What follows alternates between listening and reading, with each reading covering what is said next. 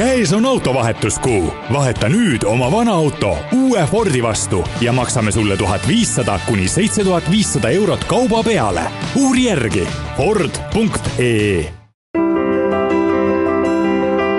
eestlased Euroopas. saade valmib koostöös Euroopa Komisjoni Eesti esindusega tere kuulama viimast saadet sarjast Eestlased Euroopas, mina olen Kristi Kool ja kakskümmend viis inimest on seni rääkinud mulle ja ka teile, head kuulajad, oma tööst Euroopa Liidu juures viimases saates uurime aga, milline on selle karjääriredeli kõige esimene aste. Helena Hinto töötab alates esimesest aprillist Euroopa Komisjoni transpordi peadirektoraadis majandusanalüüsi ja mõjuhinnangute osakonnas rahvusliku eksperdina. enne seda oli ta aga samas osakonnas praktikant. ja palusingi Helenal meenutada just õpipoisi aega kõikidel erinevatel institutsioonidel on oma praktikasüsteemid, see komisjoni praktika on nüüd sellisem kõige laiem, kõige suurem praktikasüsteem üldse maailmas, öeldakse. ja see toimub äh, kaks korda aastas, viis kuud ja on väga konkreetsed äh, kandideerimistähtajad, tingimused ähm,, vist oli ka vanuseline tingimus, et üle kolmekümne mingil hetkel tuli piir ette, aga ja sul peab olema kindlasti kõrgharidus, aga põhimõtteliselt muidu on see avatud kõigile ja mitte ainult Euroopa Liidu kodanikele, vaid põhimõtteliselt üle maailma kandideerib tavaliselt kümme kuni üksteist tuhat inimest. viimane voor läks kinni selle aasta jaanuari lõpus ja seal oli rekordiline ligi üheksateist tuhat kandidaati ai jah, no aga kuidas sinna, sinna üldse siis võimalik saada on, et kui sa ise kandideerisid, oli väga keeruline? mina ei ütleks, et see nii keeruline oli, selles mõttes, et äh, mida nad vaatavad äh,, on sinu hariduslik äh, taust äh, ja kas sa oled varem töötanud mis tähendab, et tegelikult kui sa lähed varasema töökogemuse pealt, siis sul on juba väga tugevad äh, eelised, et sa saad sinna tööle. Ehm, jah, kui nüüd vaadata keskmist, keskmist praktikanti, siis ähm, nad on tavaliselt kahe magistrikraadiga, räägivad tavaliselt kolme-nelja võõrkeelt, et see tegelikult see tipp, mis välja valitakse, ehk neid on umbes kuus kuni seitsesada ainult sellest mitme, mitmeteistkümnest tuhandest. et see tipp, kes sinna välja valitakse, on tegelikult äh, väga, ütleme, tugev, intelligentsed inimesed, eks ju, väga haritud inimesed. aga põhimõtteliselt seal on kaks vooru äh, sellel kandideerimisel, et kõigepealt sa saadad oma dokumendid äh, siis valitakse sealt välja esimene kaks tuhat kuussada umbes, kelle andmed pannakse komisjoni süsteemi nii-öelda avalikult ülesse ja siis iga komisjoni äh, osakond saab sealt valida endale sobiva praktikandi. on see siis keelenõuete järgi, on see mingi haridusliku tausta järgi, on see väga konkreetse töökogemuse järgi ja samuti on võimalik tegelikult siis nendel praktikantidel, kes on saanud selles, sellest esimesest valikust läbi, nad saavad hakata ise saatma email'e võtma ühendust äh, ja nii-öelda müüa ennast ähm, et äh, mina ei jõudnudki sellesse nii-öelda müümise e-, etappi veel, sellepärast et äh, mulle jõudis juba telefonikõne enne tulla, et kas ma oleksin huvitatud siis tulema sinna mõju-uuringute osakonda, kui mulle sellest nii-öelda pikemalt lahti räägiti, mis seal tehakse, siis see tundus väga huvitav võimalus, nii et, et nii-öelda ma ei hakanudki rohkem edasi otsima. kui kauaks sa läksid? Viis kuud mis siis oli see, mida seal mõju-uuringute osakonnas tehti ja mida sina hakkasid seal tegema? põhimõtteliselt äh, kuskil viis-kuus aastat tagasi äh, arvas komisjon, et äh, et seadusloome peaks äh, põhinema rohkem analüüsil ja rohkem faktidel ähm,. Mistõttu siis äh, tutvustatigi see nii-öelda mõjuanalüüsi protsess, mille käigus siis põhimõtteliselt pannakse paika või nii-öelda analüüsitakse läbi, millised on teatud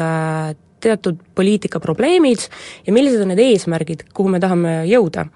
ja tegelikult siis need valikud, äh, kuidas nende eesmärkideni jõuda, nende valikute vahel tehakse valikuid puhtalt äh, põhinedes analüüsil, et siis vaadatakse, millised on erinevate valikute majanduslikud, sotsiaalsed ja keskkonnamõjud. ja, ja noh, tegelikult siis eesmärk on nii-öelda leida see parim poliitikavalik, millega sa siis saaksid ära lahendada võimalikult palju probleeme ja, ja et nad siis vastaksid nendele seatud eesmärkidele ähm,. Loomulikult see ei ole tegelikult nii-öelda otsustusprotsess, eks, et see mõjuanalüüs on selline toetav, toetav protsess otsustajatele ja lõppkokkuvõttes ikkagi on ju nii-öelda otsustamine on volinike kolleegiumi käes, nemad teevad lõpliku otsuse. aga milleks see mõjuanalüüs ka tähtis on, on äh, on see, et selle raames tegelikult äh, konsulteeritakse väga paljude erinevate huvipooltega. ehk siis äh, erinevad tööstused saavad oma sõna öelda, liikmesriigid saavad oma sõna öelda, erinevad ametiasutused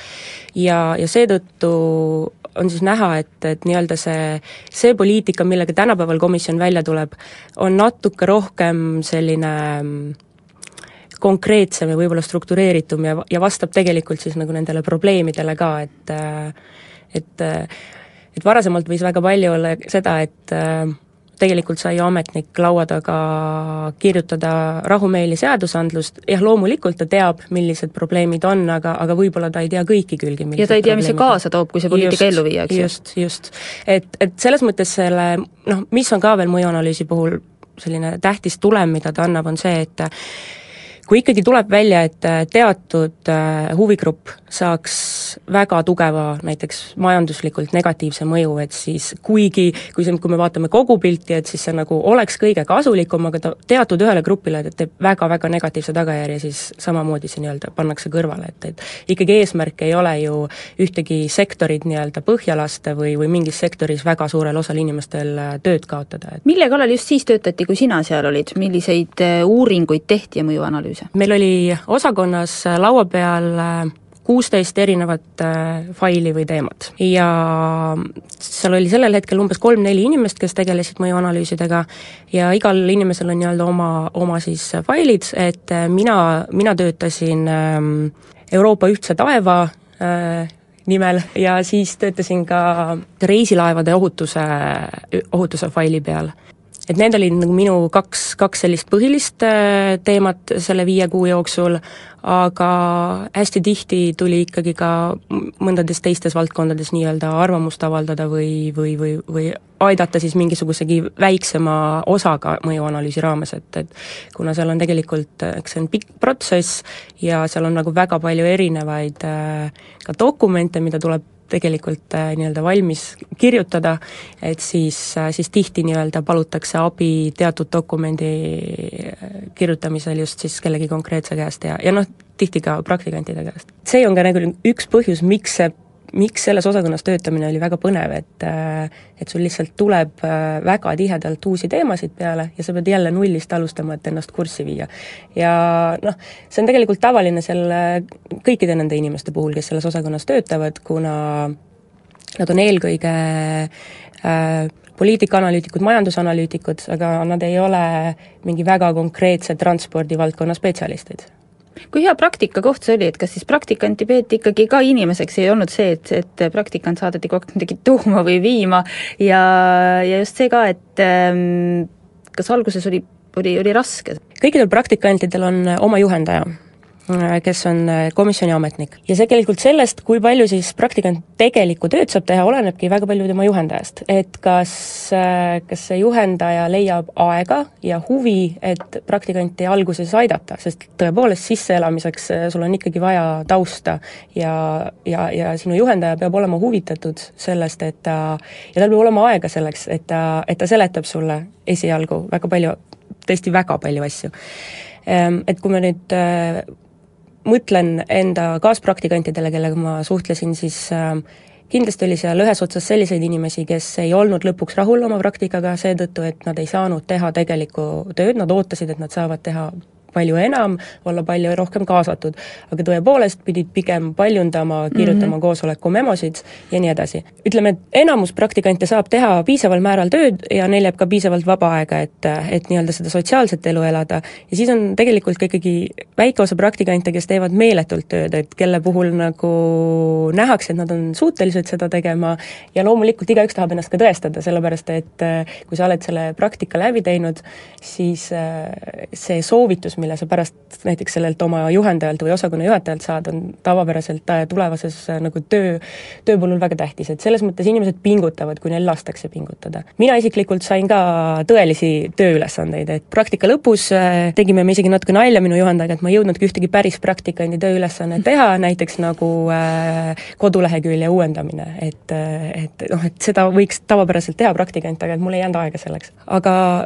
esimestel nädalatel jah ähm,, ma pean ütlema, et, et ikkagi hästi palju esimesel nädalal, esimestel nädalatel just äh, on nagu keeruline ka see, et sa ikkagi töötad inglise keeles. et kõik sinu töö on inglise keeles, sa pead mõtlema inglise keeles, sa pead äh, aru saama kõikidest nendest äh, eriala sõnavaradest, et, et noh, loomulikult sul on teatud transpordivaldkonnas, mul oli see varasem kokkupuude olemas, aga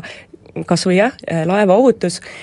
ja siis hakkadki näpuga jälg, järge ajama, et endale selgeks teha, mis, mis asjadest me siis tegelikult räägime, et see on, see on alguses võib-olla, võib-olla isegi kõige keerulisem aspekt. aga ega keegi ei eeldagi, et sa pead olema spetsialist, et äh, loomulikult sulle antakse natuke rohkem aega, kui, kui sellele tavalisele ametnikule antakse sama asja tegemiseks ja, ja, ja kõik on valmis sind tegelikult abistama, kui sa lähed ja küsid abi. et aga põhiline on see, et sa pead minema ja küsima, et keegi sulle seletaks, et et niisama äh, ei ole seal ametnikel seda aega, et tulla ja küsima üle ukse, et äh, kuidas sul läheb, kas sa saad aru, kas ma saan sind kuidagi aidata. kui sul on abi vaja, küsi. aga selline variant on ka olemas, et kui praktikandiga ei jääda rahule, siis temaga kuidagi see leping lõpetatakse või öeldakse, mine koju tagasi? Need on vist väga-väga üksikud juhtumid olnud, et, et tegelikult nad ikkagi äh, lasevad nii-öelda selle viis kuud inimesel ära olla. et äh, seal vahepeal on ka jaanuarikuus äh, on nii-öelda kohustus äh, juhendajal ja praktikandil viia läbi nii-öelda arenguvestlus, mille raames siis noh, tõepoolest, kui ei olda rahul, siis saab nii-öelda öelda, et palun, äkki sa püüad rohkem, aga tegelikkuses ikkagi no ma, ma, ma võin öelda, et ikka väga-väga suur enamus tuleb sinna saama head kogemust ja inimesed tahavad tööd teha ähm, tihti lahkuvad praktikandid äh, võib-olla kusagil jaanuaris-veebruaris seetõttu, et äh, nad on leidnud endale uue töökoha. Äh, sellepärast, et eks see praktika on selline üleminek võib-olla ülikooli ajast tööaega ja see praktika ongi väga paljude esimene reaalne töökogemus. ja seetõttu jaanuaris ja veebruaris sa kuuled kogu aeg, kuidas inimesed kandideerivad, kandideerivad, kandideerivad, et ja noh, paljud, osadel läheb ka see niimoodi õnneks, et nad saavadki juba näiteks veebruaris tööle ja ja sellisel juhul komisjon on vastutulelik, et nad, nad paluvad teatud aega, et kaks nädalat on vist töötaja teatamisaeg, aga nad, nad tõepoolest lubavad sul varem lahkuda, sest noh, see on ju siiski praktika ja kui inimene saab päris töökoha, arusaadav, et nad tahavad lahkuda varem. tead sa, kas see on eestlaste hulgas seal praktikal käimine selline populaarne asi, et on meie kaasmaalasi seal palju? viimasel paaril aastal on igas voorus kandideerinud äh, natuke üle viiekümne eestlase ja sellel,